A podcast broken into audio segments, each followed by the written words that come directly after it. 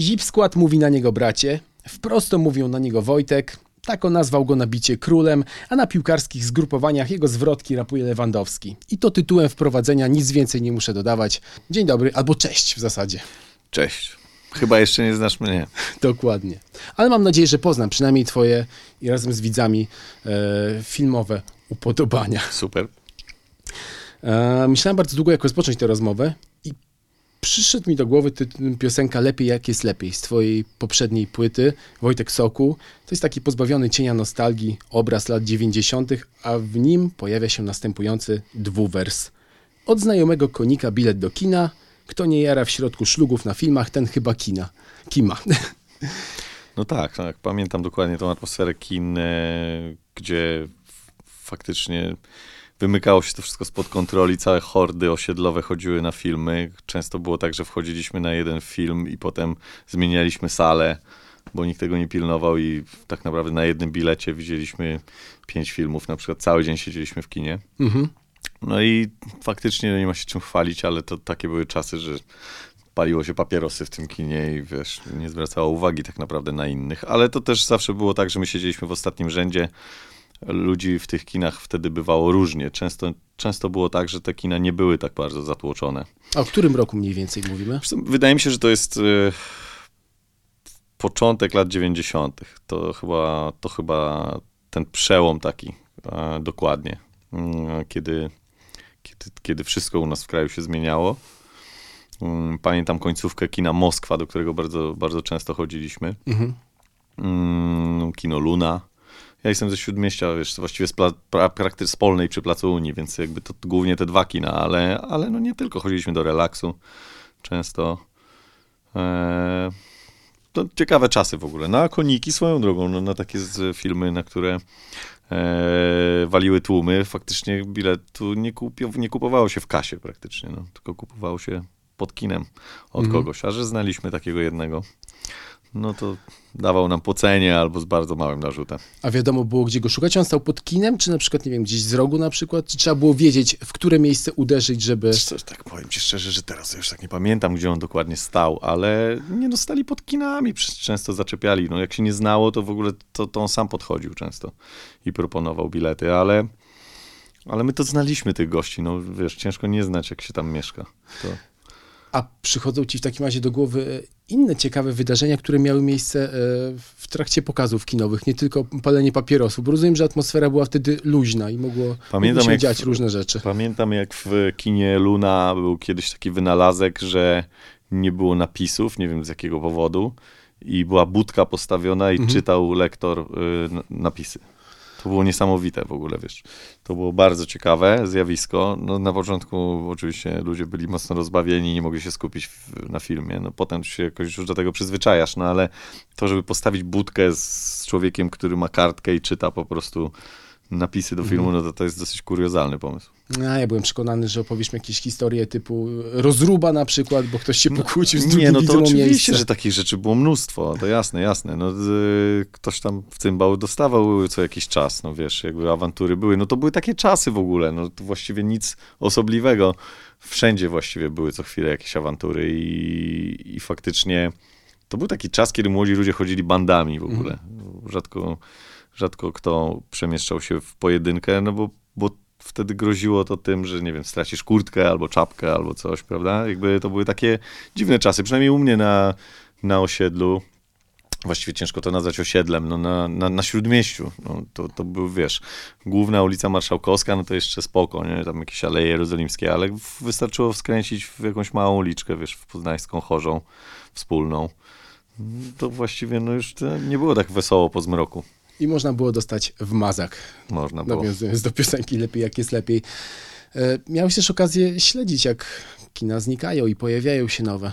Pojawiał się wtedy swego rodzaju jakiś taki smutek, że kino, które stało w stolicy od lat, znika nagle, zostaje zastąpione przez kolejny dyskont, a obok wyrasta multiplex e, wypełniony 20 ekranami, gdzie można oczywiście nabyć popcorn Wiesz, to było i wszystko to jest takie zunifikowane. To nie jest takie proste, bo w tamtych czasach my się trochę cieszyliśmy, że idzie nowe i to był taki czas takiej trochę mm, głupiej i, i, i bezmyślnej, no ale kto mógł to przewidzieć, no jakby byliśmy młodzi i naiwni, jakiejś takiej fascynacji tym, co nowe i tym, co z zachodu i tym, że coś będzie nowocześniejsze. No nie no, jakość tych kin była nieporównywalna, jakby, więc, więc generalnie było to z korzyścią dla widza, jeśli chodzi o, o jakość po prostu tego, co słyszał i widział. E, ale szkoda tej architektury, no po latach jakby to wiadomo, że szkoda, no szkoda kina Skarpa, szkoda kina Moskwa, no to w ogóle nie ma o czym gadać, tak, to, to są to są smutne rzeczy, no tak samo kina Femina, więc wiesz, e, jasne. Natomiast wtedy, no to, to, dzisiaj, to dzisiaj jest łatwo mówić po, po, po latach, bo wszyscy wiemy jakby, co się, co się wydarzyło, ale wtedy to była duża nadzieja, że coś się zmienia na lepsze. Więc wtedy myślę, że przyjmowaliśmy to wszystko z entuzjazmem, zwłaszcza, że kończyło się kino o nazwie Moskwa, które też nie kojarzyło się wtedy najlepiej. Więc, więc wiesz, to, to, to, nie jest tak. Wtedy myślę, że wszyscy się cieszyli, że coś się zmienia, natomiast z perspektywy czasu oczywiście no, szkoda, że nie ocalały te miejsca, bo, bo one były architektonicznie bardzo ciekawe, historycznie. I, I tak naprawdę można było tam wymienić pewnie infrastrukturę jakąś w środku i zrobić jakąś gruntowną renowację. No ale kto o tym wtedy myślał? No i to też był chyba taki moment, kiedy polskie kino też niekoniecznie cieszyło się poważaniem wśród widzów. No nie, Ci wybierali no to... raczej produkcje hollywoodzkie, Myślę, do których że wiesz, mieli dostęp. Poza psami, tak mhm. naprawdę, no, które jakby, wiesz, zrobiły faktycznie furorę. Niewiele było takich filmów, no. Pamiętam, mhm. Pamiętam, że wiesz, zaczęło się od jakiegoś Krola pewnie, tak? Król był taki dobrze przyjęty. Pasikowski i Linda, wielki duet. Tak. I, i a potem no, dużo było słabych rzeczy.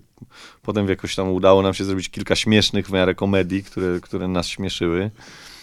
No to polskie kino nie miało najlepszych lat wtedy. Myślę, że dla mnie takim dużym, wiesz, może nie będę jakiś super oryginalny, ale dla mnie takim świeżym powiewem zdecydowanie był chyba chyba tak naprawdę takim, naprawdę, takim dużym tąpnięciem mm to mhm. był chyba dopiero Smarzowski. Czyli 2004 rok i premiera Wesele. Wesele, no nie no, Wesele no było niesamowite. Wcześniej jeszcze Dług był, który też myślę No tak, tak, tak, mówisz widzów. o Krausen, tak? Tak, tak, tak, mhm. tak, tak, tak. Nie no, jasne, Dług był, był super filmem, tak. No właśnie, a propos e, Wesela i Smarzowskiego, e, to chyba Marcin Flint po powiedział o tobie, napisał, że ty jesteś takim hip-hopowym Smarzowskim. Jak się ustosunkowujesz do Słuchaj, bardzo, tego Bardzo mi miło, e, jeśli mogę być porównywany do Wojtka Smarzowskiego, to jest dla mnie bo faktycznie świetny reżyser i uwielbiam w nim ten, tę umiejętność wyciągania takiego polskiego brudu, niezależnie od właściwie czasów, sytuacji. On potrafi coś takiego zrobić, nie wiem, jest, jest naszym takim narodowym sumieniem, bym powiedział. To jest, to jest ciekawe bardzo. To jest super umiejętność, no, bo za to go kochają albo nienawidzą. No zdecydowanie. No myślę, że tutaj Claire, który pozostaje największym e, przebojem kasowym w jego karierze, zdecydowanie dostarczył widzom. Zwłaszcza Aczkolwiek nie jest to mój ulubiony film.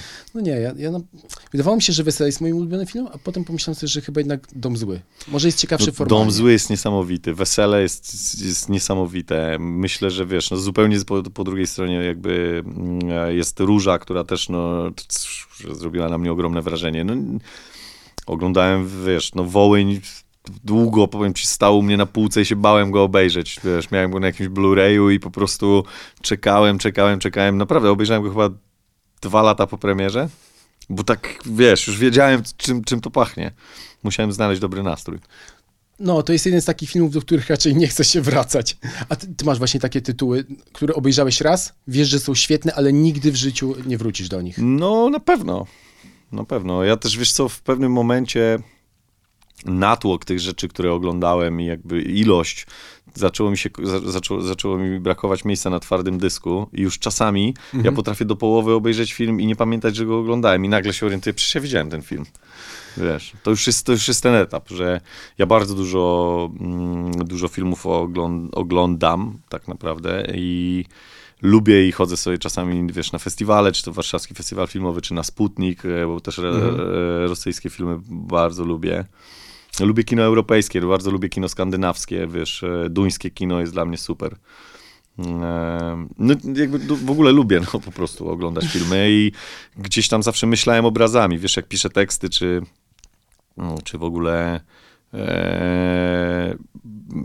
jak robię nawet muzykę, ja już teraz nie robię muzyki właściwie na swojej płyty. No na, na tej płycie akurat zrobiłem Jest sampler orkiestra, Tak. jeden, jeden, beat, ale, ale rzadko mi się to zdarza. Raczej robię Mhm. je dla siebie, dla zajawki jakieś i, i- one nie trafiają do mnie na płyty. Mm, Natomiast w ogóle no, chodzi mi o to sam proces, że ja jestem wzrokowcem, Mhm. że ja po prostu myślę obrazami, że nawet jak układam dźwięki sobie, to ja je układam wzrokowo. No Ja muszę to widzieć, widać i słychać w piosenkach. Więc, e, więc to, jest, to jest taka akcja. No dobrze. Myślałem, że ten temat poruszę później, ale dlaczego już nie poruszyć e, go teraz? Ja pamiętam jeden z wywiadów, już nie pamiętam komu go udzieliłeś, chyba Noizowi i tam złożyłeś taką deklarację, że wcześniej czy później napiszesz scenariusz filmu pełnometrażowego. I z tego, co słyszałem, z dobrze poinformowanych źródeł, to odbyłeś już co najmniej jedno spotkanie z bardzo poważanym producentem. Być może tych spotkań było więcej, teraz mi o nich powiesz, więc na jakim etapie stoją prace? Wiesz co, to nie do końca jest tak. Y, To znaczy tak, myślę, że napiszę scenariusz. Nie zacząłem go pisać absolutnie. Spotykałem się z kilkoma różnymi producentami poważanymi i jakby w różnych sprawach, więc, ale nigdy nie, nie do końca w sprawie, w sprawie napisania e, scenariusza i, i przekucia tego w jakąś rzeczywistość szybką. Mhm. E, przeraża mnie to trochę, wiesz, bo to po prostu boję się ogromu pracy. Jeśli tyle czasu zajmuje mi napisanie płyty, która jest no, stosunkowo łatwa, znaczy łatwa, no jest to i zupełnie inna praca, bo musisz bardzo skompresować te opowieści w, w bardzo małej formie, musisz opowiedzieć dużo, czyli to jest no trochę no inna zupełnie praca, ale skoro tyle czasu zajmuje mi nagranie płyty, żebym był z niej zadowolony, no bo wiadomo, że można nagrać płytę i w tydzień, tylko Po co? tylko po pierwsze po co, po drugie czy to by na pewno było dobre dla tej płyty. Mm, No to obawiam się, że ten scenariusz może powstawać długo i, i, i a mnie to przeraża. To nie tak, że ja jestem leniwy, tylko jak sobie myślę, ile rzeczy innych mogę w tym czasie zrobić, to po prostu mm, to faktycznie odwlekam to e, zawsze. Staram się staram się, znaczy wiem też, że jak się zaangażuję w coś, to, to, to, to, to bardzo się angażuję że, i trochę boję się tego po prostu, że, że mnie to gdzieś tam pochłonie, zajmie mi bardzo dużo mojego czasu. E, oczywiście jest też pewnie jakiś, e, jakiś lęk przed porażką, wiesz, no, nigdy nie pisałem scenariusza, a wiem też, że nie, nie jestem osobą, która przeczyta cztery poradniki o tym, jak pisać scenariusze. Wręcz przeciwnie, będę chciał napisać ten scenariusz zupełnie pewnie nie tak, jak inni go piszą, albo przynajmniej tak, jak mi się podoba. Być może się okaże, że to jest dokładnie tak, jak inni go piszą. Nie mam pojęcia, wolę nie wiedzieć, jak inni piszą scenariusze. No oprócz tego, jak wiesz, no, co, co chłonę oglądając filmy, ale też często podobają mi się filmy, w których nagle następuje jakaś dłużyzna, bo ona jest celowa, jakby ja ją odbieram jako celową dłużyznę i że gdzieś tam przy, te emocje nie są, wiesz, no nie lubię filmów typu Ocean's Eleven, no, to dla mnie nie jest kino. Mhm. Czyli czysty eskapizm niekoniecznie wchodzi w grę. Nie lubię, jak to wszystko jest, wiesz, cały czas e, takie przewidywalne i tego dużo jest, i to jest takie naćkane i, i to jest takie e, bardzo, mm, e, nie wiem jak to nazwać, efek, efektowne, tak? Albo efekciarskie. wręcz. Efekciarskie wręcz, no, no właśnie. No bo wiesz, są filmy, które ci dają w pierdol cały czas, ale, ale one na zupełnie innej, e, na zupełnie innej płaszczyźnie. To, to, w- na przykład Gaspar Noé jest, jest, jest, jest dobrym przykładem. Chyba uderzyłem w mikrofon, przepraszam. Na pewno nic mu się nie stało. E, ale Ja sobie tu pozwolę Oczywiście. herbatki napić się dobrze, tu jest miejsce. Ale zastanawiałem się z kolei, czy w takim razie już ci jakieś historie chodziły po głowie. Czegóż e, ten pełnometrażowy scenariusz mógłby dotyczyć? Hmm. Jaki gatunek reprezentowałby ten film? Wiesz jest, waham się, jest kilka jakby obszarów, które wydają mi się ciekawe. Mhm. Ale nie, myślę, że to będzie jakaś historia po prostu. Tak naprawdę osadzenie jej w czasach. Najłatwiej by mi pewnie było ją osadzić w czasach albo współczesnych, albo pewnie właśnie takich, takiej połowy lat 90. Myślę, że ta połowa lat 90. jest, jest ciekawa też dla ludzi. Ona dobrze wygląda e, w obrazku. Natomiast z drugiej strony to wyobrażam sobie, że produkcja jest o wiele, wiele droższa. Gdyż ja jestem e, szczegularzem i ja no, nie pozwoliłbym na to, żeby po prostu się coś nie zgadzało z epoką e, później w tym obrazku. Więc przeraża mnie jakby wizja tego, y, tego przedsięwzięcia. Nawet jeśli to jest prosta rzecz, no to dla mnie niemożliwe jest to, żeby oni nosili buty nie dokładnie te, które jakby wtedy się nosiło jakby i wszystko, zegarki, nie wiem, samochody, y, reklamy, znaki drogowe, to wszystko musi wyglądać tak jak wtedy. Ja to dokładnie, bo jestem wzrokowcem, ja po prostu dlatego mnie tak bolą często te niedociągnięcia.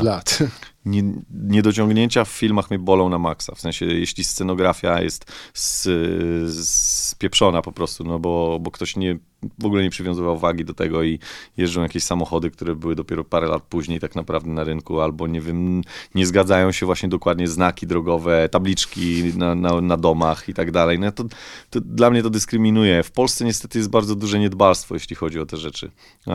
Jest coraz lepiej. Wydaje mi się, że umiemy tworzyć klimat mhm. pewnych y, rzeczy. Royce był tego bardzo dobrym przykładem, który klimatycznie moim zdaniem super siedział. Widziałeś drugi sezon rozgrywający tak, się w latach 90.? Tak. Nie widziałem tam jakiegoś faulu, mhm. tak? Że, że, wręcz przeciwnie. Ale też Royce, Royce'owi po pierwszym sezonie daje dużą, e, jakby wiesz, mm, duży kredyt zaufania i no bo po prostu bardzo lubię klimat, więc tam nawet mógłbym nie zauważyć może jakichś drobnych rzeczy, które się mogą nie zgadzać, ale nie zarzuciłbym tego, bo tego nie widziałem. Nie zauważyłem tego absolutnie. Mm, tam jest, tam jest naprawdę, to, jeśli chodzi o klimat, jest, jest to super poprowadzone. Hmm bardzo, no jestem fanem ogólnie, tak? Hmm. Ale, ale lubię, jak coś jest zrobione dobrze, jak, e, jak faktycznie ktoś wprowadza cię w jakiś klimat, to niech to robi od początku do końca. I trzeba zwracać uwagę na naprawdę na wszystko, bo jeśli mamy przekazać pewne emocje, które były wtedy, no to uważam, że, że pełną konsekwencją i, i, i nie można robić tego wybiórczo albo po łebkach. Albo dobra, no to po prostu zdejmijmy billboardy i, i, będzie tak samo, jak było wtedy. Wiesz, czy tam, no wiesz o co chodzi, mówię nie, no metaforycznie. Mhm. Aczkolwiek wtedy akurat billboardem Warszawa stała, więc jakby wiesz, myślę, że akurat wtedy to była ta dzika, dzika reklama, która była wiesz, 14 po prostu wystających reklam przy każdym sklepie spożywczym. Był taki film też chyba, nawet Billboard właśnie, rozgrywający się w latach 90. w Warszawie, odsłaniający mroczne oblicze stolicy. Ale to nie jest tak, że ty w ogóle tych scenariuszy nie piszesz, no bo jednak masz na koncie chociażby fabuły, obrazy teledysków. I tutaj myślę sobie na przykład o Zepsutym Mieście, jednym z bardziej widowiskowych e, teledysków w ogóle w twojej karierze. No, na YouTubie stoi scenariusz Soku. No tak, zdarzało mi się pisać scenariusze do swoich teledysków. Zdarzało mi się też pisać wspólnie z Kubą Żulczykiem. Mhm. Zrobiliśmy chyba ze, ze, trzy takie, takie scenariusze wspólnie.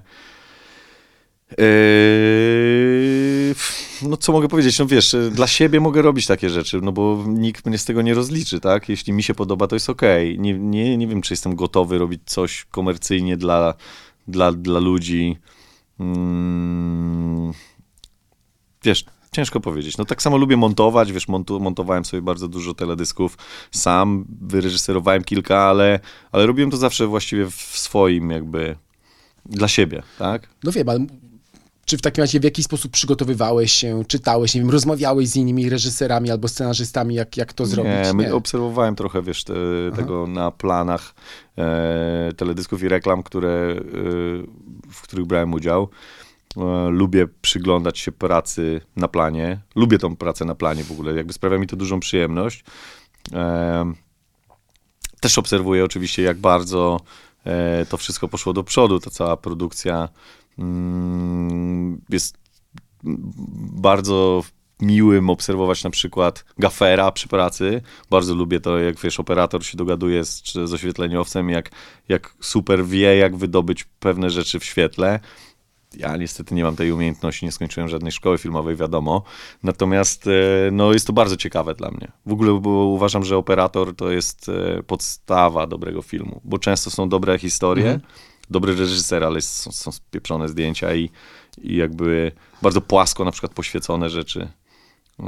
Czyli dostrzegasz, potrafisz dostrzec Wiesz, no ja to widzę po swojemu. Ja nie wiem, czy, czy jestem na poziomie krytyków filmowych, to absolutnie nie, nie, nie, nie uzurpuję sobie, wiesz, jakiejś takiej mm, wiedzy, czy, czy, czy, czy, czy, czy, czy w ogóle prawa do tego, żeby oceniać e, Natomiast no, oceniam to, co widzę po swojemu, tak? I umiem odróżnić coś, co jest fajnie poświecone, a co, od czegoś, co jest źle poświecone.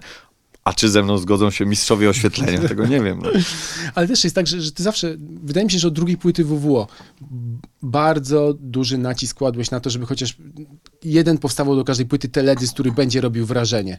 I tutaj na przykład Sen, no to był teledysk, który stanowił zupełnie nową jakość na polskiej scenie hip-hopowej i w ogóle świetnie prezentował się w zderzeniu, no nie wiem, jak Kasia Kowalska wypuściłaby klip w tamtym okresie, to absolutnie Sen mógłby się bronić, no ale potem lecimy oczywiście e, dalej. W aucie teledysk, który stał się e, hitem YouTube'a i zawojował e, przeróżne środowiska i dzięki temu No. wypłynęliście też zupełnie Trzeba było, wiesz, Szerzej. użyć specjalnej telewizyjnej Kamery, kamery, tak, i tak, którego też szukaliśmy wtedy. Kuba Łubniewski, który był reżyserem tego teledysku, dużo pracy w to włożył. Mhm. No tak, żeby, żeby odtworzyć te realia. No ale widzisz, no to jest dokładnie to. No, jakby nie, nie, to nie była żadna wtyczka, to nie było żaden trik, to nie było przepuszczone później przez coś w poście. To faktycznie była kamera i Umatika telewizyjna z, z tamtego okresu. No tak, ale przypuszczam, że wielu raperów mogłoby sobie powiedzieć, dobra, nakręcimy jakiś teledysk e, prosty, spalimy jakąś furę. Do dzisiaj takie teledyski są Jasne. kręcone, a ty chciałeś jednak, żeby to miało filmową jakość. Mogę wszystko, kolejny fantastyczny teledysk z takim efektem mastershotu, kiedy kamera I wydaje pierwszy się, raz że chyba tak. użyty motion control y, tak naprawdę w polskim teledysku. I przypuszczam, że to ty byłeś tym spiritus movens, które chciało, żeby to tak wyglądało. No ja wtedy dobrze się dogadywałem właśnie, wiesz, z Wojtkiem Zielińskim, z, z Kubą Łubniewskim. e, W, oni byli też bardzo tacy do przodu, jak na swoje czasy i e, robiliśmy te rzeczy wspólnie. No jakby ja, ja zawsze byłem jakimś takim bardziej, żeby jakąś wizję e, artystyczną na, na, na, nakreślić. Ale wtedy nie czułem się jeszcze na tyle pewnie, żeby, żeby pisać te scenariusze, czy żeby e, czy żeby to reżyserować, broń Boże, tak? No to uczyłem się od, od nich trochę, patrząc im na ręce. I, i faktycznie e, wte, no wte, wte, wtedy, wiesz, dostawałem jakieś pomysły razem siedzieliśmy, pamiętam jak dzisiaj z chłopakami i oni opowiadali, jakby to mogło wyglądać. Ja mówiłem, a może tak, a może tak, ale generalnie, wiesz, no trzeba przyznać, że ogromnym wkładem jakby no praktycznie 90%, 90% tych, tych, tych pierwszych teledysków, no to faktycznie Kuba Łubniewski, Wojtek Zieliński jako operator. Eee, to świetni ludzie, z którymi wtedy mi się bardzo dobrze pracowało i dużo się od nich nauczyłem. Mhm. I oni mieli naprawdę bardzo otwarte głowy. W tamtych czasach to było zupełnie, zupełnie faktycznie takie świeże podejście i bardzo im zależało też na jakości, na tym, żeby to było inne. A czy często na przykład zdarzały się propozycje aktorskie? Żebyś wystąpił w filmie. Wiesz co, na początku dostawałem jakieś dziwne propozycje, głównie grania w serialach, które odrzucałem notorycznie, no bo to po prostu dla mnie było jakieś takie dziadowskie. Czy w kryminalnych też? Nie pamiętam już, wiesz, ale to, to były jakieś takie rzeczy, które od, od, od kopa jakby odrzucaliśmy. Aha. To jeszcze były czasy, kiedy im Jentkerowi to proponowano. Pamiętam, że było kilka, kilka takich propozycji. A później tak naprawdę nie dostawałem żadnych propozycji aktorskich. Chociaż zawsze mówiłem, że fajnie by było być taką. Bo ja lubię takie popkulturowe, wiesz, gierki. A kilkukrotnie po pijaku, tylko pewnie trzeźwieli i nie pamiętali. Rozmawiałem z różnymi reżyserami polskimi o tym, że fajnie by było być taką postacią, na przykład, która gra siedmiu, siedmiu, siódmo właściwie planową, siódmoplanową rolę, e, która gdzieś tam pojawia się w filmie e, i na przykład kupuje gazetę w kiosku Jak albo, albo odpala papierosa, prawda? I, I pojawia się nie w jednym, tylko na przykład w pięciu różnych polskich filmach i zawsze ma tą samą rolę, w, zależnie od epoki, ubrany oczywiście te, te, tak, jak, e, jak należy. E, I czymś takim byłbym bardzo zainteresowany. Nie wiem, czy nadaje się, czy moja gra aktorska jest na tyle dobra, żeby zagrać jakąś większą rolę. Wątpię. Natomiast jeśli chodzi o jakieś takie właśnie coś, co się, co się przenika, e, rozmawiałem też e, z Kubą e, Żulczykiem parokrotnie o tym, że, że można by było fajnie spleść losy jakichś bohaterów. A Kiedyś wymyśliłem taką rzecz, kręciliśmy akurat w podobnym czasie z PZ-em dwa teledyski i zadzwoniłem do niego i mówię, Paweł, chodź, zrobimy taką akcję, że zróbmy tą samą scenę u ciebie w teledysku i u mnie. Mówimy o Hot 16 Challenge 2? Nie, nie, nie, nie, nie, mówimy dużo wcześniej i to było w, u mnie to było w resecie, a u niego, nie pamiętam teraz tytułu kawałka.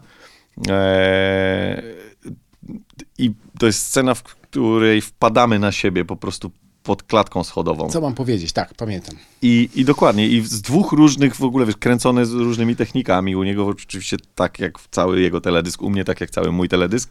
Zrobiliśmy tą samą scenę. E, no to właśnie ja, ja, takie rzeczy lubię wymyślać, tak? Żeby później, żeby to były takie smaczki, które już zostaną, takie popkulturowe jakby haczyki różne. I to jest mi bardzo bliskie, więc jestem otwarty na różne propozycje tego, tego typu. No to podobny smaczek też był chyba w przypadku twojego teledysku, to w, lecieć w dół brzuchem i e, problemu. Tak, to Też prawda. Się ja się pojawiłem przez moment y, u, u, problemu. On, y, Oskar pojawił się przez moment y, na moim teledysku i na samym końcu zrobiliśmy sobie odnośniki do swoich teledysków, e, takie linki. No tak, to, to dokładnie. To, to są takie popkulturowe, fajne, fajne rzeczy, które, które są mi bardzo bliskie. Powiem ci, że miałem więcej takich pomysłów, ale czasami ludzie tego nie rozumieli i jak im proponowałem, to tak byli, że może nie do końca i, czy coś. No to, to jestem ja jakby. Ja, ja bardzo lubię takie rzeczy i, i, i faktycznie dostrzegam je też jakby, w, w, jeśli ktoś coś takiego zrobi, to bardzo mi się to podoba. Mhm. Dostałem maila, w którym napisałeś, że nie jesteś w stanie wskazać jednego ulubionego filmu, bo tego jest dużo. Bardziej byłbyś w stanie wskazać reżyserów, ale ciekawi mnie na przykład, czy jest w takim razie jeden film, który widziałeś najwięcej razy w życiu? Hmm. Do którego wracałeś najczęściej? Pewnie jakiś pornos, ale nie wiem. Eee... Nie wiem, czy jest taki film. No wiesz, no to jak dostałem pytania właśnie o te ulubione Aha. swoje filmy, to Myślę, że takim filmem, to, to dziwne, ale może tak jest. Może to jest seksmisja? Mhm. Juliusz Machulski, początek lat 80. i jego drugi albo trzeci film w karierze. To jest niesamowity film, ale ja go po prostu katowałem, mieliśmy go na wideo i był, bardzo mnie śmieszył od początku.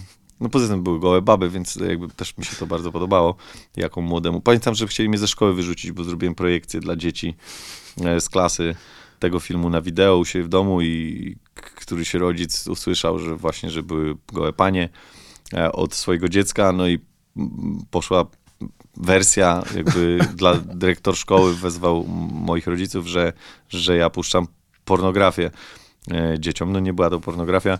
E, natomiast... To ile wtedy lat miałeś? No kiedy ten film wyszedł? No, wydaje mi się, że jakoś początek lat 80. No pewnie wiesz, tata przywiózł wideo dosyć wcześnie ze Szwecji pamiętam. E, więc no, pewnie to było zaraz po premierze jakoś, no, kiedy, nie wiem jak wtedy kopie w ogóle krążyły to na VHS-ie, to jest, wiesz, nie mam pojęcia, no. Ale, ale tak, to były lata 80. Myślę, że hmm, Mogłem być w trzeciej, czwartej klasie szkoły podstawowej. Czyli dziesięcioletni Wojtek. Coś takiego pewnie, no. O, i to jest też ciekawy bardzo temat. Magnetowid, który pojawia się w domu. Myślę, że każdy e, z pokolenia właśnie wchodzących w dorosłość na przełomie lat 80. i 90. też ma swoje wspomnienia związane z magnetowidem, z pierwszymi wypożyczalniami wideo. Jak to wyglądało w twoim przypadku? No u mnie tata był bardzo wkręcony w, w ogóle w, w wizualne różne rzeczy i wcześniej zajmował się fotografią trochę amatorsko. Robił jakieś zdjęcia też dla, dla, dla jakiejś prasy. Mhm. Mm, ale ale pamiętam, że jak tylko mógł, to pojechał do Szwecji, przywiózł właśnie wideo i przywiózł kamerę. Później nawet z wujkiem mieli taką firmę, która kręciła wesela. Krótko to trwało, bo zapiliby się chłopy na śmierć. E, pamiętam, że jeździli we dwójkę i jeden pił, drugi kręcił. Zawsze mieli taki układ. E, natomiast, e, natomiast no, zawsze to było w moim domu. Jakby była kamera, było, było wideo, było, było właściwie no, od wczesnego takiego dzieciństwa. E, I to, I to faktycznie było pewnie czymś, co we mnie wyzwoliło jakąś taką miłość do, do ruchomych obrazków. Nie, zupełnie inaczej się ogląda w domu rzeczy, zupełnie inaczej się ogląda w kinie. Jedno i drugie lubię. Mhm. Czyli jakby błogosławię świat za streaming i za nie tylko oczywiście Netflixa czy, czy, czy, czy HBO e, Go, ale też Mubi na przykład, czy... Tam można znaleźć takie mniej tak, ja znane. Ja, bardzo dużo, mam właściwie wszystkie chyba abonamenty na, na możliwe stream, streamingi.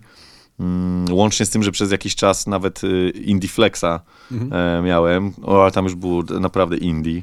I w pewnym momencie już stwierdziłem, że to chyba jest za dużo, jak już zobaczyłem, że nie mam czasu, wiesz, no oglądam raz na jakiś czas coś tam gdzieś, ale lubię czuć, że mam dostęp do wszystkiego, wiesz, to jest takim, wydaje się, mi się wtedy, że jestem takim obywatelem świata, że mam i Prima, wiesz, i, i, i, i jakiegoś właśnie, czekam zresztą na tego HBO, HBO Maxa, myślę, że to będzie duży przełom.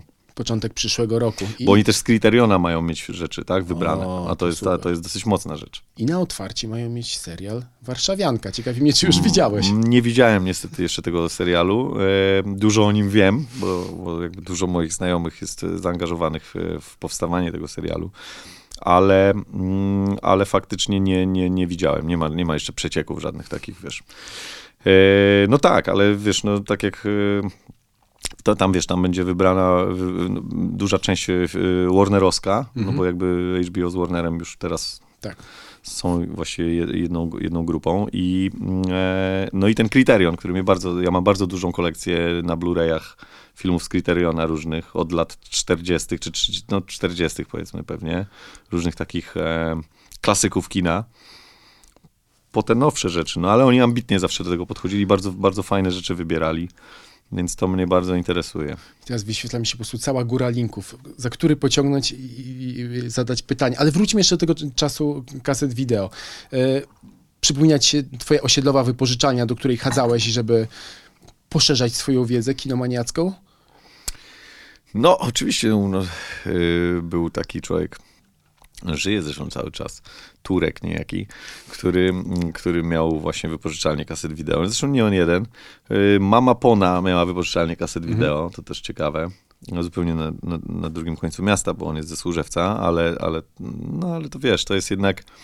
E, ciekawy w ogóle punkt y, takich spotkań towarzysko-społecznych, wiesz, w wypożyczalni kaset wideo. To ciekawe. Później były te wypożyczalnie DVD. One, to, to już są to zupełnie inne czasy. No ale kasety wideo to był sztos. Ja na przykład y, nie do dzisiaj y, dla mnie bardzo ważnym czymś takim, co jest przyporządkowane do tamtych czasów, jest ten mhm. głos tego lektora nagrywany w, gdzieś w kuchni po prostu tak nieporadnie na tych filmach, no bo to wiesz, to wszystko były nielegalne, znaczy no nie wszystko, no bo na tym wyrósł, znowu walnąłem w mikrofon, na tym wyrósł ITI, tak? Tak naprawdę, na kasetach wideo. Tak. To Więc, był początek i potem... Znaczy chyba nawet zaczynali od robienia chipsów w ogóle, ale, ale, ale tak naprawdę skończyli z TVN-em, więc e, dobra kariera. No to lata 90. Wtedy każdy chwytał się za to, co mógł tak. przynieść pieniądze i nagle w zupełnie innej branży pojawiał się i odnosił kolejny sukces, dajmy na to. E, a czy ty też biegałeś z kamerą po domu, czy raczej kamera była zarezerwowana Tro, Nie, nie, nie, trochę biegałem. Ojciec na szczęście pozwalał mi robić takie rzeczy. Mm w ogóle korzystanie ze sprzętu, jakby u mnie było na szczęście, to, tak samo jak kiedyś przyniósł do domu ZX Spectrum i wiesz, mm y, też był zafascynowany tym, zaczął coś tam w Basicu programować, ja szybko pod, podpatrzyłem, udało mi się nawet trochę tam zmieniać kody w grach, e, tych bardzo prostych w Basicu i, i, minimalnie zmieniać postać bohatera i grać trochę innym bohaterem niż, niż inni, ale no to są jakieś zupełnie inne sytuacje, ale faktycznie u mnie ojciec nigdy nie był takim... Nie był zaborczy i nie był taki, że zostaw, bo zepsujesz. E, nigdy u nas pilotów nie chowało się w folię, żeby nie pobrudzić od kotleta. Raczej to wszystko było dla ludzi e, i, i wiesz, i, i, i, normalnie funkcjonowało. Nie było, nie było to kultem otoczone żadnym, nie wiem, po prostu niedostępności, wręcz przeciwnie po prostu. Myślę, że ojciec zachęcał mnie. Zachęcał mnie do robienia zdjęć wielokrotnie. E, ale tymczasem lata 90., kasety wideo, i Sokół, który też, jak rozumiem, tworzy swoją kolekcję powoli kinomaniacką, która rośnie. Przypuszczam, że kaset wideo to już pewnie nie masz i wszystko zostało wymienione Mam z na... pięć, ale to takie, wiesz, trzymam jak ultowo, ale już odtwarzacz VHS mam w piwnicy i sądzę, że już przestał działać, bo po prostu od pewnie wilgoci, która tam jest, nie, nie zabezpieczyłem go jakoś specjalnie, więc sądzę, że już niestety nie dałoby się go uruchomić. Aczko nie, co ja opowiadam? Przecież ostatnio zgrywałem z VHS-ów rzeczy do archiwizacji i przyniosłem go do biura. Zadziałał, ale zadziałał na chwilę i padł, mhm. czyli dobrze przewidziałem, a, i pożyczyłem później od kolegi e, VHS-a który miał w dobrym stanie, bo go dobrze trzymał. E, I, I faktycznie zgrywaliśmy jakieś stare rzeczy związane z zip składem. E, z VHS-ów. To była ciekawa przygoda, bo y, dużo różnych dziwnych rzeczy tam było obok tych naszych nagrywek na tych kasetach. Wiesz, jakieś, e, jakieś po prostu wykłady z Edusatu, jakieś seriale z Polsatu, jakieś tam oczywiście też fikołki. No, ciekawe, ciekawe sytuacje tam na tych kasetach VHS się zdarzały. No tak, ale nie, nie, tak naprawdę moja, moja kolekcja filmowa zaczęła się na dobre od tego, że kolega potrzebował na szybko pieniędzy i sprzedał mi odtwarzacz DVD. To było, i to, i to tak, że wtedy mało kto jeszcze miał to DVD w domu. Mm, I faktycznie takie wrażenie na mnie zrobiła wtedy jakość tego, co dzisiaj jest kuriozalne oczywiście, no to jakaś rozdzielczość tam 700 chyba w ogóle, wiesz, pikseli, ale, mm, ale, ale faktycznie to mnie skłoniło do tego, że, że zacząłem kupować te filmy na DVD. No i to trwało, trwało, trwało bardzo długo. Potem przerzuciłem się na Blu-ray jeszcze na chwilę. No a dzisiaj zostałem z tym jak ten Himmelsbach z angielskim. Jakby kompletnie nie wiadomo po co, ale mam, mam zmieniarkę na y, 400 Blu-ray. Okej. E, y, taką karuzelową. E, no bo stwierdziłem, że jak już, jak już mam te filmy, no to szkoda po prostu. Mimo to, że to jest zupełnie nie, dzisiaj bez sensu.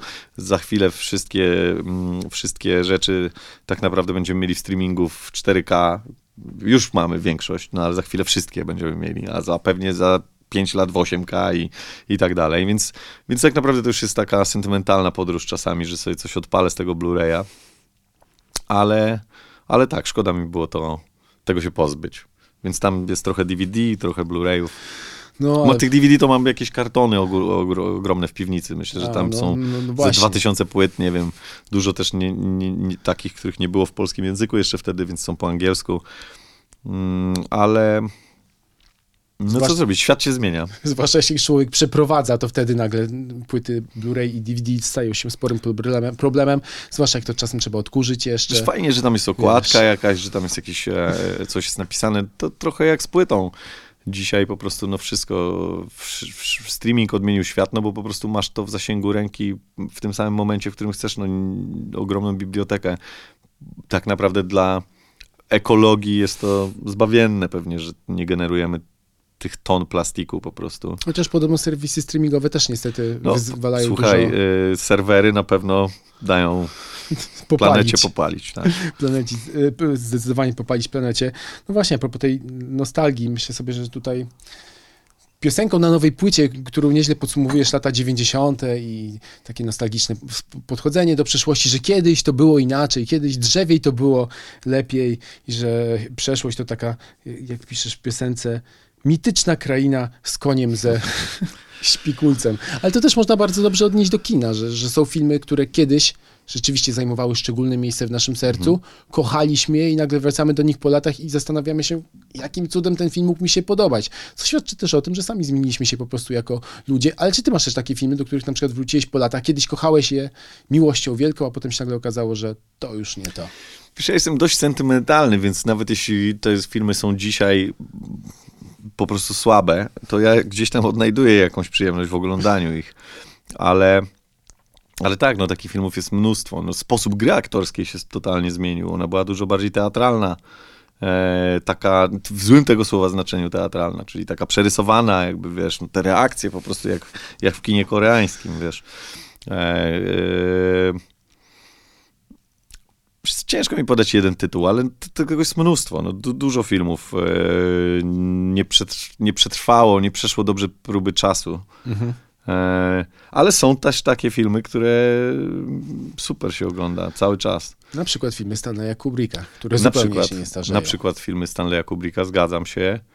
E, ostatnio się zastanawiałem, mm, e, co to było. Był taki film, który na przykład ostatnio obejrzałem po latach, no w Mhm. ogóle. mm, kurczę, jak on się nazywał? Taki film o tym, że spływają kajakiem przez rzekę. Dzika rzeka z Meryl Chyba tak. Streep? Nie, nie, jakie Meryl Streep? Nie, nie, nie, jadą ku- kumple nad rzekę. Okej, Pamiętasz? e, John, film Johna Burmana, Uwolnienie? Tak, to się- Deliverance. Tak, tak, Deliverance, dokładnie. No przecież, kurwa, świetny film. Świetny film. I po latach właściwie nic się nie zestarzał, tak? Znaczy, wiesz, No i słynna scena gwałtu w tym filmie, który no, nie, no, dzisiaj... prostu to jest rewe- rewelacyjny film. Jakby polecam każdemu. Ostatnio, ostatnio sobie o nim przypomniałem i go odświeżyłem. E, i, I faktycznie, no w ogóle się nie zestarzał. Więc, e, więc no, są tego typu, tego typu filmy absolutnie, które myślę, że nawet dzisiaj one mogą być ciekawsze niż wtedy, tak? Z perspektywy czasu. No tak, są też filmy, które na przykład, no myślcie sobie o końcówce lat 90., wtedy dużo takich filmów pow- powstało, na przykład jak Matrix, nie wiem, Podziemny Krok, które mam wrażenie, że dzisiaj jak się je ogląda, to one są jeszcze bardziej współczesne i lepiej gdzieś tam Tak. apelują do naszej świadomości. Matrix apeluje Nie no, Matrix teraz, jest- kiedy żyjemy. Pierwsza część absolutnie, no, wiesz, to jest, rzeczywistości. to, jest, to jest sztos totalny. No wiesz, no, natomiast już dzisiaj, jak e, obejrzałem po latach film, który wtedy na mnie robił ogromne wrażenie, czyli Urodzeni Mordercy, Aha. aż tak okej, ale, ale nie zrobił na mnie takiego wrażenia jak wtedy. Więc to wiesz, to jest, to są, na, na, natomiast znowu, e, e, jak się nazywa, prawdziwy romans, true romance, tak? No, super mi się ogląda teraz. Wiadomo, że on jest czasami taki baśniowy momentami, czy no już nie mówiąc o dzikości serca na przykład, tak? No to jest totalna baśń, ale, ale, ale też się super ogląda. Ja w ogóle lubiłem Nicolasa Cage'a w tamtych rolach. Później to było takie...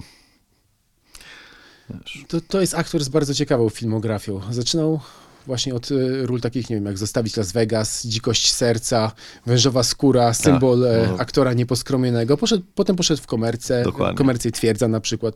Michaela Beya, zresztą bardzo dobry film, chyba najlepszy z filmografii tego reżysera.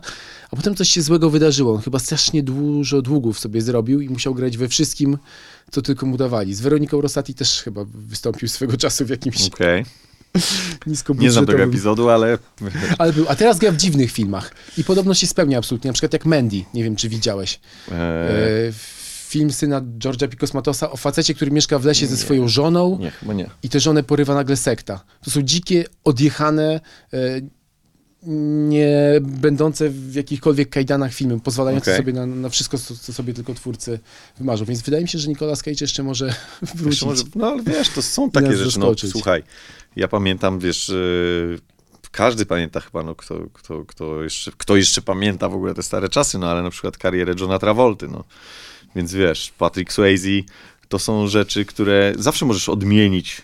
Wystarczy, że ktoś ci zaufa i wiesz, i ktoś, kto ma wizję, tak jak miał Tarantino obsadzając Travoltę, po prostu wiesz, e, w Pulp Fiction, no, i odmienił kompletnie po prostu jego wizerunek, tak? No i też miała, myślę, tutaj Travolta absolutnego farta, bo przecież pierwotnie w ogóle Tarantino chciał, żeby to e, Vic Vega, czyli bohater Wściekłych Psów pojawiał się w Pulp Fiction, więc jak to dziwnie w życiu się składa, kiedy jeden przypadkowo, jedna przypadkowa decyzja nagle zaważa na twojej Ale to też karierze. pokazuje, że trzeba myśleć zupełnie nieszablonowo, tak? I jak y, to jest też coś, co ja bardzo bym chciał na coś takiego zwrócić uwagę. Ale wydaje mi się, że to dzisiaj już nikogo nie zaskakuje, ale to było bardzo zaskakujący. Dobór aktorów był do, bardzo zaskakujący właśnie w Weselu Smarzowskiego.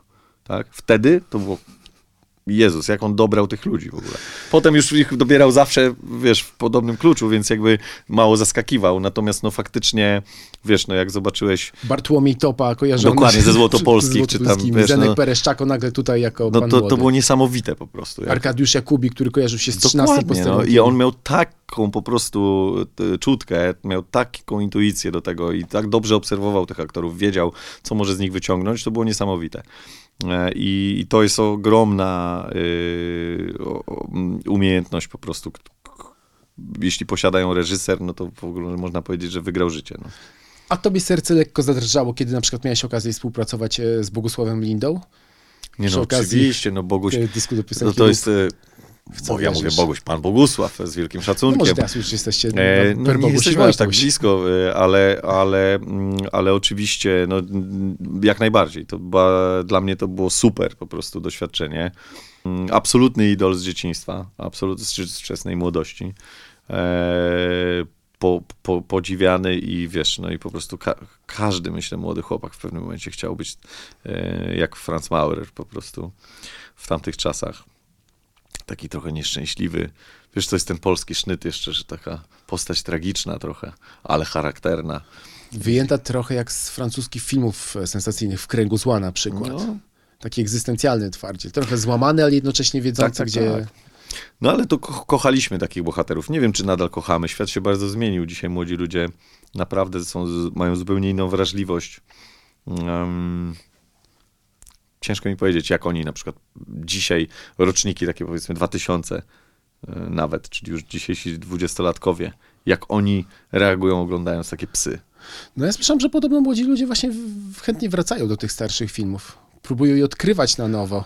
Ciekawe. Oczywiście no, może też być jak z przyjaciółmi na przykład, które dla współczesnego pokolenia są nie do zaakceptowania, ponieważ są e, homofobiczne, transfobiczne, e, seksistowskie i tak dalej, i tak dalej, no ale to jest też trochę tak, Ja nie jestem fanem tej cancel do czasów. culture, wiesz. e, To, to, To nie, domyślam się. Nie, no ale to wiesz, to nie o to chodzi, bo ja, jeśli chodzi o moją wrażliwość, ja, ja potrafię zrozumieć, dlaczego tak się dzieje, jakby i czemu pewne rzeczy są dzisiaj nie do zaakceptowania.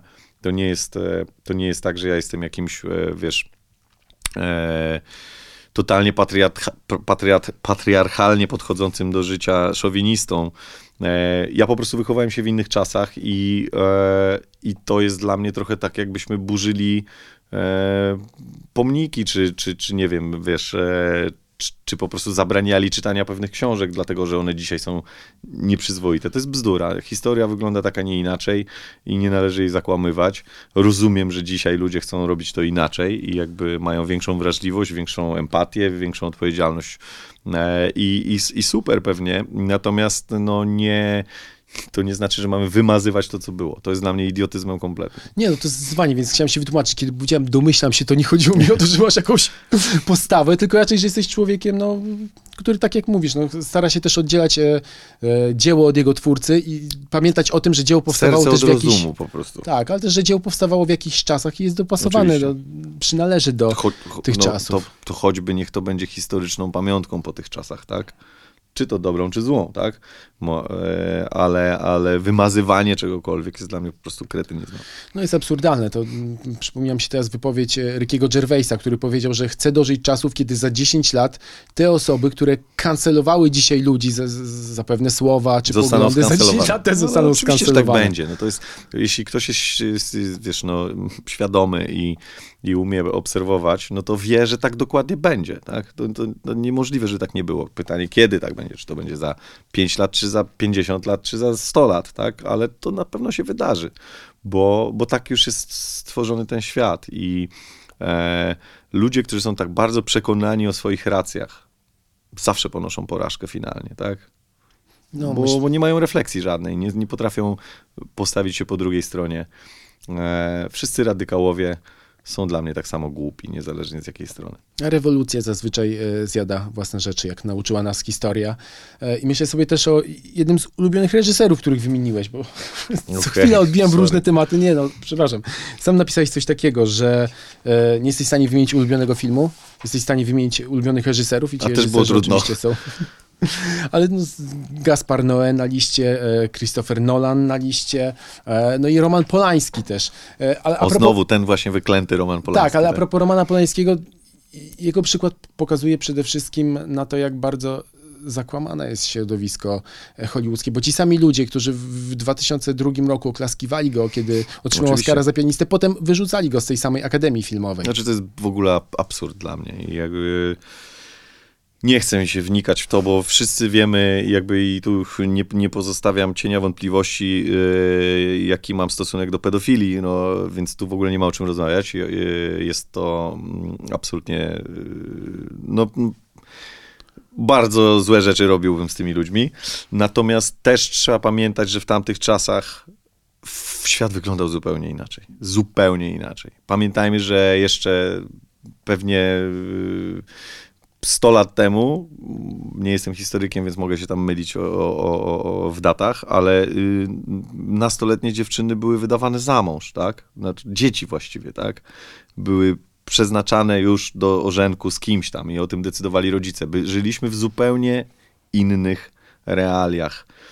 I dzisiaj jakby próbowanie oceniania pewnych czynów z tamtych lat naszymi jakby miarami jest w ogóle bez sensu. Ja nie, nie próbuję go wybielać, bo to w ogóle nie o to chodzi, tak? Tylko są granice absurdu po prostu. No i są granice zakłamania, czyli to, o czym ty mówisz, że właśnie dzisiaj ktoś klaszcze po to, żeby jutro go wyrzucać i obrzucać błotem. To jest jasne. Natomiast absolutnie oddzielmy postać Romana Polańskiego od tego, jakim jest reżyserem. Tak? Nie, dla mnie ocenianie przez pryzmat charakteru to jest tak jak y, po aferze MeToo wyrzucanie po prostu, y, wiesz, y, mm, y, jak się nazywa, świetny aktor y, Kevin Spacey. Kevin Spacey. Tak, wyrzucanie go po prostu, wiesz, jakby z seriali, czy w ogóle jakby no wyrzucanie z, z, ze streamingów filmów z jego udziałem, czy w ogóle pomijanie go w różnych, no to, to jest absur, absurdalne po prostu, no absurdalne. Nie można, niestety, ktoś, kto yy, ocenia sztukę, czyli jakby dzieło, jakiekolwiek by ono nie było, e, przez pryzmat tego, kto je tworzył, no to dla mnie to jest, to jest po prostu e, głupie. To jest, to jest przyznawanie punktów za pochodzenie. To, jest, to znaliśmy to już z historii, tak? Czy, czy obniżanie punktów za pochodzenie, bo to też znaliśmy z historii. E, to są parytety w szkołach, że musi być e, ileś tam e, Polaków na jednego Żyda. To, to jest to, że musi być chłoporobotnik na każdego inteligenta, czy dziesięciu na jednego. To jest to, że musi być ileś kobiet na mężczyznę. To są wszystko idiotyzmy, po prostu. E, jakby nie dajmy się złapać w te pułapki. I, i, i wracając do tego y, Romana Polańskiego, no jakby w, zrobił wybitne filmy, abs, absolutnie. I jakby można oceniać jego jako postać, jego czyn, wiadomo, e, bardzo źle, każdy niech sobie go oceni w swoim sumieniu, ale, ale nie zostawmy tej jego filmy, bo to jest po prostu jakiś absurd. To jest tak jakby, nie wiem, gdyby Adolf Hitler namalował naprawdę wybitne obrazy i ktoś by je potem, potem palił dlatego, że był to Adolf Hitler, no dla mnie byłby idiotą. No. To jest tak jak z rozbieraniem Pałacu Kultury. No. Chociaż nie jest to wybitna architektura akurat, ale wydaje mi się, że patrząc na pryzmat całej Warszawy, na tyle dobra, że ostatnią rzeczą, jaką e, bym robił, to ją rozbierał. Choćby zostawiając ją jako pomnik historii. Tak? Przepraszam. I bardzo ciekawym filmem, który wymieniłeś e, na tej liście, filmem właśnie Romana Polańskiego jest film Gorzkie Gody. Bo on rzadko kiedy bywa wymieniany i znowu, przepraszam, wśród tych najbardziej wiekopomnych e, dzieł w karierze twórcy Noża w wodzie. Częściej mówi się o dziecku Rozmery, Nożu w wodzie, a Gorzkie Wody to jest No Nóż w wodzie okres... też rewelacja. Znaczy świetne filmy wszystkie, które wymieniłeś, więc to akurat ten. Ale Gorzkie Gody dla mnie są ważnym filmem. Ja go też chyba zobaczyłem w takim wieku, wiesz, e, w którym zrobił na mnie duże wrażenie. Mm, pierwszy raz super zagrany, no to wiesz. Yy, to, jest też tematyka bliska mojemu sercu, jakby trochę, bo ja, ja lubię te takie. Mm, trudne związki. Trudne związki. No, wpakowałem się w nie parę razy w życiu, ale to nie, nie tylko o to chodzi. E, chodzi mi też o to, jakie rzecz, do jakich rzeczy mogą te trudne związki doprowadzić. Tak? Jakby jak bardzo dziwne, e, przez te toksyczne czasami relacje, jak, jak bardzo dziwne rzeczy się mogą powydarzać. Jak szalona miłość tak. potrafi zamienić się w szaloną Ale w ogóle no, nienawiść. No, miłość, która jest na y, wielkości takiej, że staje się szalona, jest mi bardzo bliska. Jakby w ogóle ja, ja, ja wiesz, jakby mm, podziwiam w ogóle, jeśli ktoś potrafi tak kochać. E, to nie jest łatwe. Zwłaszcza w dzisiejszych czasach, które są takie, wiesz, trochę bym powiedział, mm, mało głębokie. Nie wiem, jak inaczej mogę to nazwać. To tutaj ja w takim razie polecam piosenkę Za ręce. Myślę, że dużo powie o stosunku Wojtka do związków e, i jak też on nie widzi i co się w jego życiu działo. E, wracam do listy filmów jak okay. patrzę na te wszystkie filmy, to myślę, że łączy je jedna rzecz, że one są pozbawione mo morału że ty nie lubisz filmów, w których nie twórcy lubię. dają ci e, jasne wytyczne, co mają Nie lubię. Co, co ciekawe, spotykałem się czasami z takim zarzutem, że, że ja jestem takim, że mam ton mentorski w jakichś swoich kawałkach i tak dalej. To, takie zawsze, to, to chyba jedyna rzecz, która mnie zawsze bolała, jak czytałem coś takiego, bo mm. jakby nigdy nie miałem takiej intencji. Co więcej, nie lubię takich rzeczy. No oczywiście, że czasami mówisz ty kretynie i coś tam, no bo tego wymaga jakby kawałek, ale, ale moralizatorstwa nie cierpię. Mm, nie lubię w ogóle dawać rozwiązań na tacy, tak? Jakby to, że jest jakaś opowieść, ona ma początek, koniec i coś się wydarzyło, ktoś kogoś zamordował, zdradził, nie wiem, oszukał, albo pokochał, albo urodziły się piękne dzieci, mhm. no to jest jakaś opowieść, ale jakby to trzeba dać słuchaczowi, czy odbiorcy w przypadku filmu, widzowi, um, domyślić się pewnych rzeczy, zinterpretować je po swojemu. E, to nie jest tak, że mówimy, ten jest zły, ten jest dobry. Te role często w realnym świecie się bardzo wymieniają. Ludzie nie są całkowicie dobrzy albo całkowicie źli. I więc więc podsumowywanie w pewien sposób pewnej opowieści często jest kompletnie zbędne, bo na ogół może spierdolić tą opowieść. Przepraszam, to się wytnie. Nie, spokojnie. Przekleństwa są tutaj jak najbardziej e, dozwolone. No i myślę, że kurczę, jednym z takich filmów, które rzeczywiście zostawiają widza w oszołomieniu e, i z bólem brzucha i głowy na najbliższych kilka dni co najmniej. Jest na przykład film 4 miesiące, 3 tygodnie, dwa dni. Tak, no to jest... To I jest... film, który jest ciągle aktualny niestety. Tak, i to bardzo, no, nawet w dzisiejszych e, czasach i w, przy tych rzeczach, które dzieją się w tle no, w naszym kraju i, i w, dokładnie w tym momencie.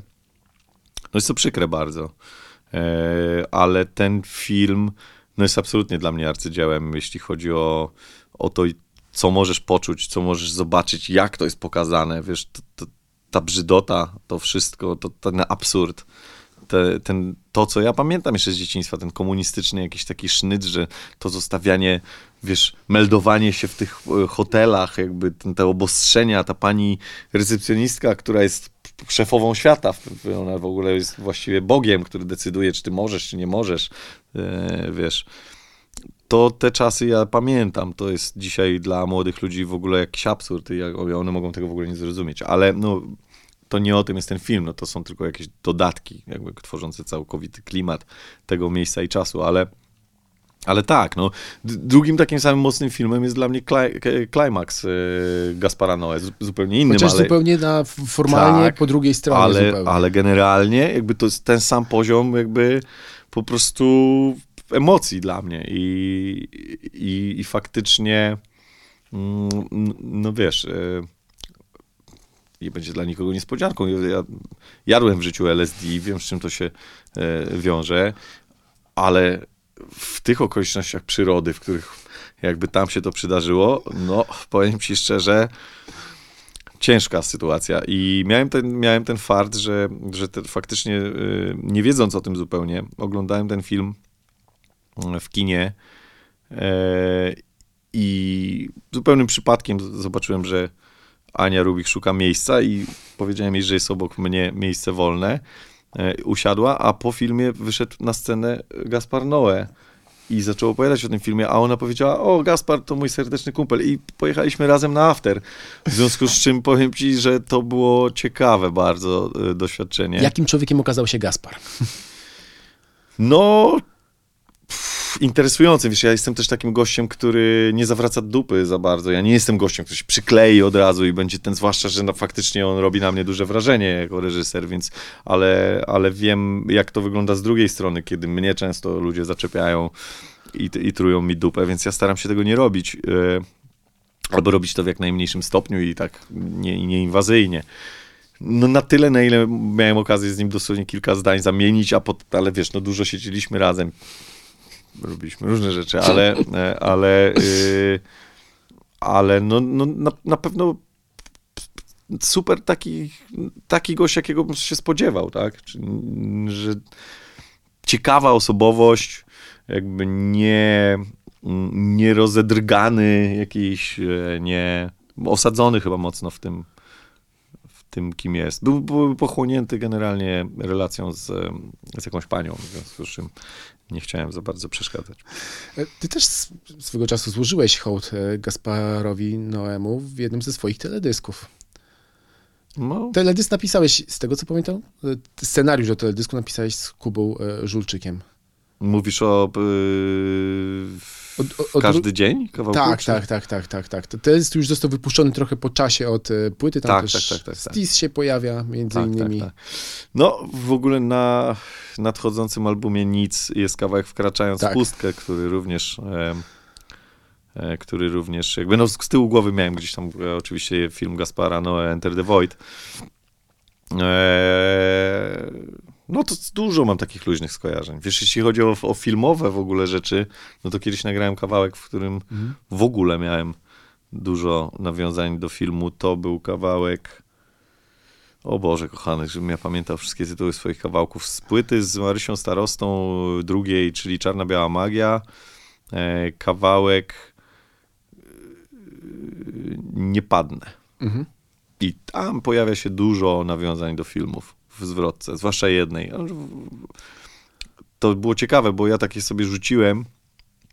To był taki kawałek, który trochę mówi o tym, że, że dasz radę się przeciwstawić e, nawet najciemniejszym mocom.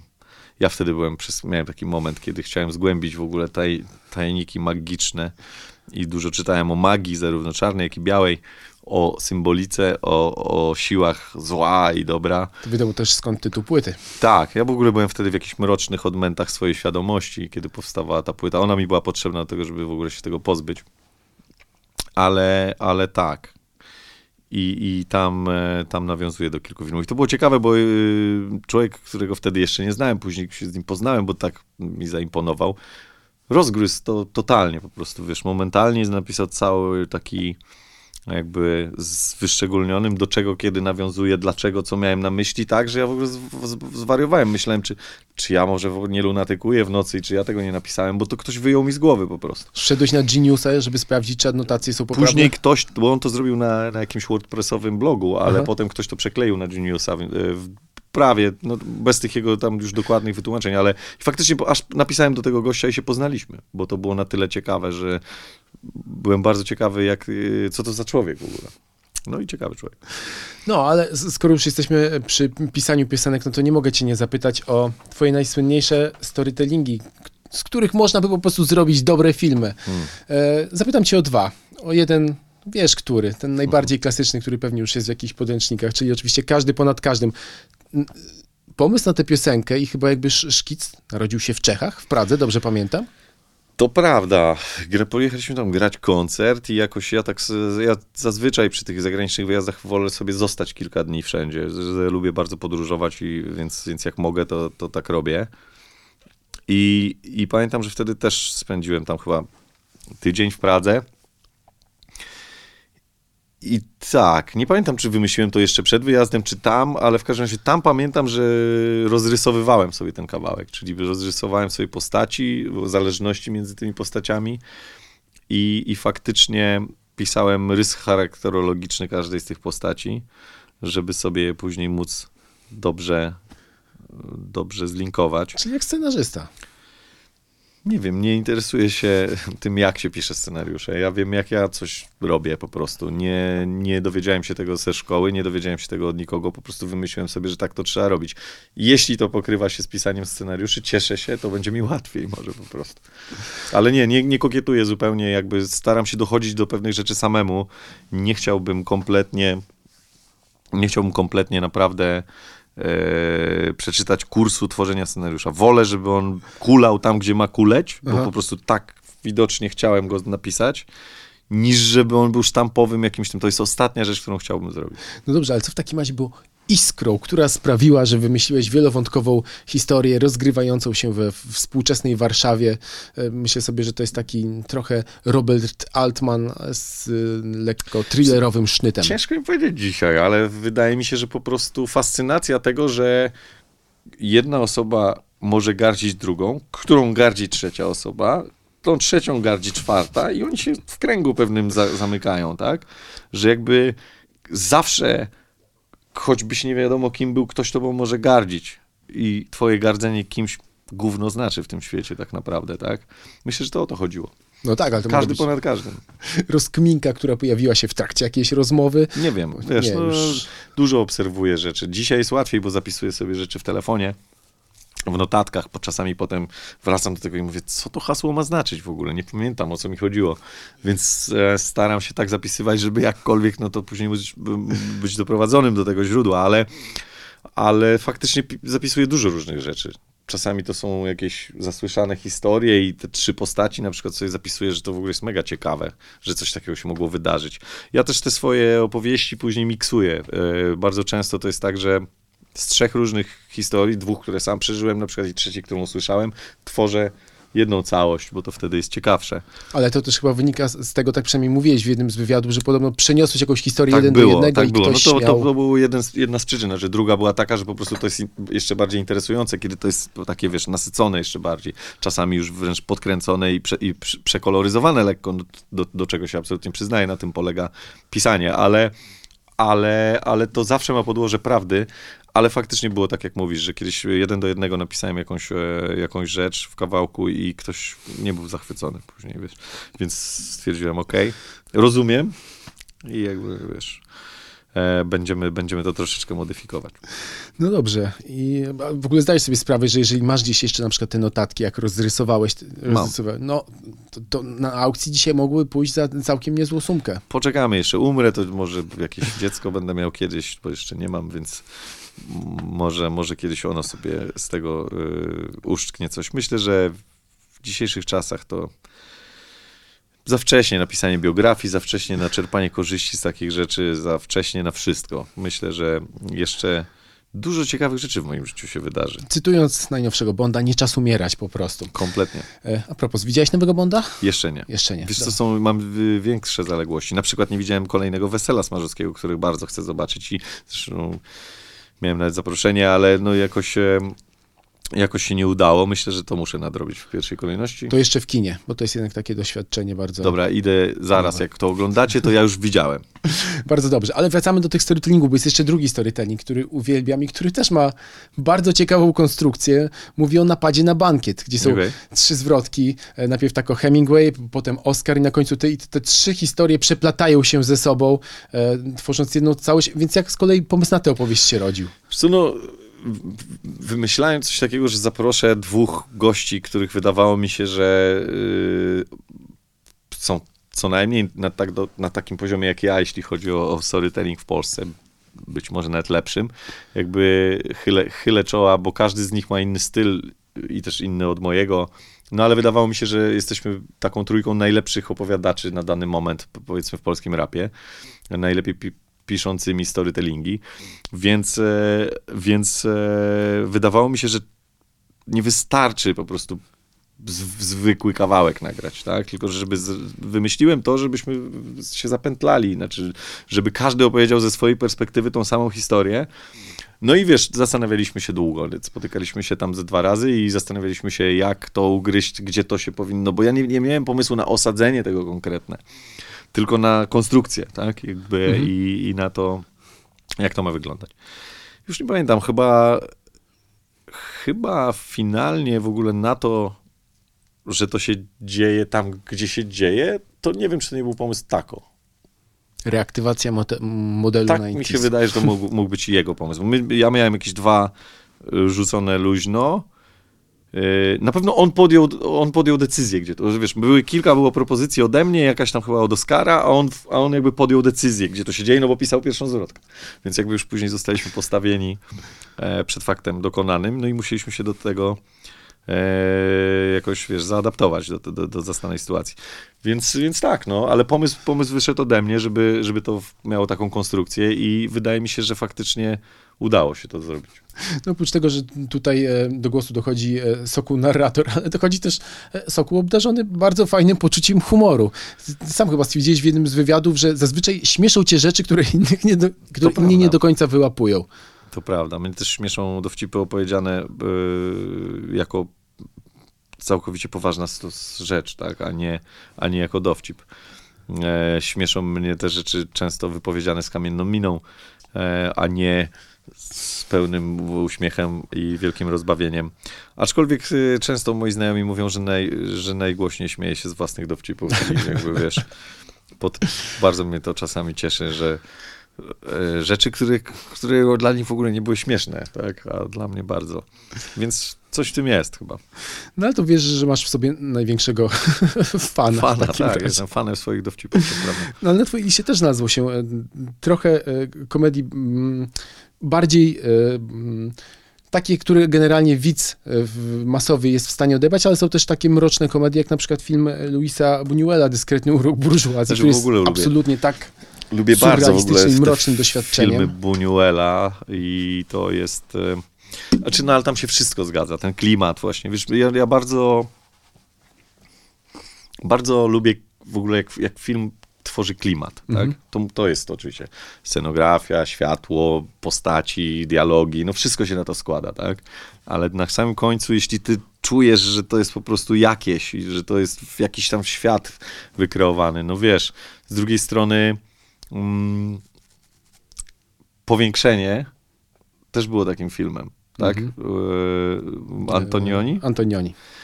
E, no wiesz, też tworzyło super klimat jakiś, zupełnie inny, tak? Ale no właśnie o to mi chodzi, że, że jakby jeśli ktoś potrafi stworzyć klimat, e, to jest dla mnie już duży sukces. E, mm, lubię też no oczywiście czarną komedię, no to, to, jest, to jest super, no.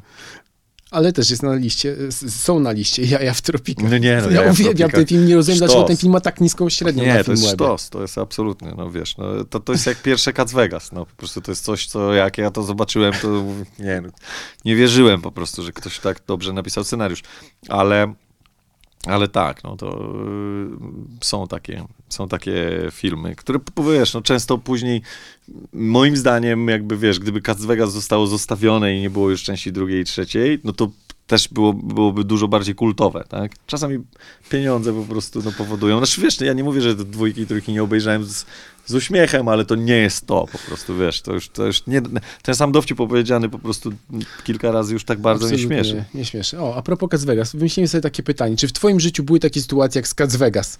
Czy przychodzi ci do No, głowy no tak, było trochę. poranek ale, na przykład po jakiejś imprezie, tak, no, po której rzeczy wiesz, no, potoczyły się... oni, oni, innym torem niż planowałeś. Oni mieli, oni mieli e, bardzo ekstremalną sytuację, ale, ale tak, jasne, no, mnóstwo, nawet bym powiedział, mnóstwo takich sytuacji, e, które pewnie kiedyś może staną się częścią jakiegoś scenariusza albo kawałka, albo albo cholera wie, może napiszę książkę kiedyś, ale, ale na razie na nowej płycie polecam taką drobną opowiastkę, e, nazywa się After. Dobrze. No to ja mam jeszcze dwa pytania. Pierwsze jest takie. Czy gdyby na podstawie twojego życia miał powstać film, to jaki reżyser idealnie nadawałby się do przeniesienia twojego życia na ekran i w jakiej konwencji rozgrywałaby się ta biografia? Czarna komedia? Ja myślę, że to by było fajnie podzielić na trzy części trzech różnych reżyserów i trzy różne gatunki. I trzech różnych aktorów jeszcze na przykład. A potem, albo nawet nie, w ogóle wymyśliłbym jeszcze inną formułę. Mm, Dałbym trzem reżyserom do zrobienia ten film. E, jednemu w gatunku komedii, drugiemu w gatunku dramatu, trzeciemu właśnie y, może jakiegoś kina ofowego i w ogóle, ale wiesz, to, totalnej alternatywy. I na samym końcu wziąłbym to wszystko i zmontował w jeden film. Sam najchętniej. To by było ciekawe. No dobrze, a teraz ostatnie pytanie, które będzie e, swego rodzaju follow-upem, sequelem do pytania, które e, kilka miesięcy temu zadałem Słoniowi. Okej. Odpowiedź okazała się ciekawa i zabawna. Słoń ma w jednej ze swoich piosenek takie wersy o tym, że miał grać zaszczyt miał zaszczyt grać koncerty w tak brudnych spelunach, że ludzie jak tam wchodzili, pytali, kto tam umarł. Więc teraz Okej, ciebie chciałem zapytać Spoko. o miejsca, które zostawiły, no powiedziałbym, znamie na duszy i w głowie po tym, jak koncertowaliście. No, to o jednym już, rapuję w kawałku właśnie każdy dzień. To było, to było faktycznie ciekawe miejsce bardzo. To był... Nie mówię tego w tym kawałku, bo to nie o to chodzi. Dzisiaj właściwie zlepiłem sobie, jak zwykle to u mnie, z dwóch e, miejsc jedno, ale głównie jednak oparte to jest na faktycznie disco-polowym, em, e, właściwie można powiedzieć świątyni disco polo. To jest klub Nevada we wsi Nur. Miałem okazję tam zagrać i to było faktycznie coś, co pozostawiło we mnie wiele różnych uczuć. E, I, I wyrwało mi tutaj jak granat po prostu, wiesz, e, dużą lukę po prostu w świadomości. Ale, mm, ale nie tylko, no, tych miejsc, e, tych miejsc było dużo różnych. To, to były od malutkich klubików po, po jakieś wielkie, mm, wielkie powiedzmy dni chleba w jakimś Parzęczewie Dolnym, wiesz, y, które też zdarzało nam się grać. No, na, my na początku graliśmy bardzo dużo różnych rzeczy. Pamiętam taki koncert, którym możecie zainteresować. Mhm. Przyjechaliśmy z Jędkerem i z Deszczem grać jako WWO. Hmm. Pierwsze co, to dostaliśmy dwa mikrofony. Jeden był na normalnym, długim kablu, za to był taki jak małe wiadomości DD prowadzili, że był na takim długim pałąku, długi taki włochaty mikrofon, więc musiałeś go trzymać na wysokości, proszę ciebie, krocza, żeby on w ogóle ci nie zasłaniał całej głowy, żeby móc do niego rapować. Drugi za to był to mikrofon marki bodajże Sony, plastikowy do karaoke, na takim bardzo krótkim kablu, że właściwie musiałeś tak rapować cały czas z tym malusieńkim plastikowym mikrofonikiem. Nie wiem, jak oni sobie wyobrażali, że my mamy zagrać ten koncert. Jakoś go zagraliśmy finalnie, ale to było dość, dość, dość ciekawe. I takich przygód było sporo. Na początku zwłaszcza, kiedy wiesz, jacyś tacy kompletnie amatorzy próbowali ściągać zespół WWO, dlatego, bo sami go słuchali chcieli ściągnąć do swojego miasteczka za wszelką cenę. My przeżyliśmy to, my faktycznie graliśmy takie trasy. To ciekawe, bo jakby w tym, to była jakaś równoległa rzeczywistość, tak? Jakby czasoprzestrzeń. Przecież w tych samych czasach normalnie od lat koncertowały zespoły rockowe, gdzie to wszystko się zgadzało i tak dalej, a w tym samym czasie jakby w tych samych miejscach, tak naprawdę, na mhm. tej samej planecie i w tym samym kraju, działy się tego typu sytuacje. Tak? Słyszałem o opowieści, to akurat nie moja opowieść, że pewien warszawski zespół pojechał zagrać i okazuje się, że wprowadzili ich do wielkiej stodoły na wsi i oni mówią, jak my mamy grać e, na tej, w tej stodole. E, no tu masz stół dla DJ-a, no pod, pod taką ścianą, wiesz, z drewna, stół po prostu w tej stodole, no, no więc ten DJ się tam instaluje, a ten chłop w tych gumofilcach mu mówi, nie, nie, nie w tą stronę. On mówi, jak nie w tą stronę, do tej ściany, a ten otwiera te drzwi od stodoły i okazuje się, że oni mają grać na to klepisko tam, wiesz. Więc to ciekawe, no takie rzeczy też się zdarzały, akurat nie mi ta opowieść, ale zapamiętałem ją, bo jest ciekawa. A czy ja dobrze pamiętam, że kiedyś na backstage'u pojawił się u was jegomość z siekierą? No, nie jeden. E, nie jeden, to prawda. E, tak, różne były sytuacje. E, nie wszędzie nas lubiano. były, były faktycznie różne sytuacje.